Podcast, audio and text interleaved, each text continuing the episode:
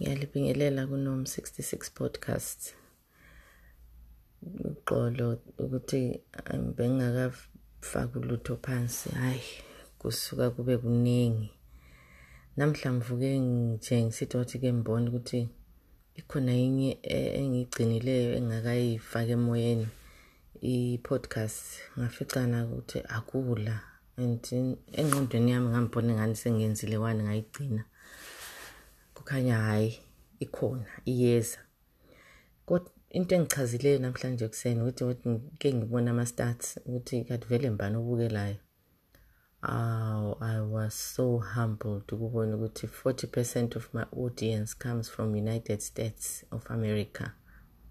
Ah, ngiyalibonga abantu be-America sure for taking time to listen to me and my podcasts.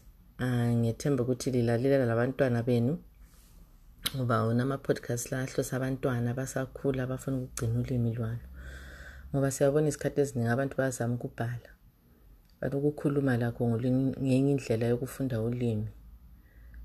Ngakho ngiyabonga abantu be-america ngiyabonga for supporting and and ah I'm, i'm just so happy you know. Ngiyalibonga abantu be-america.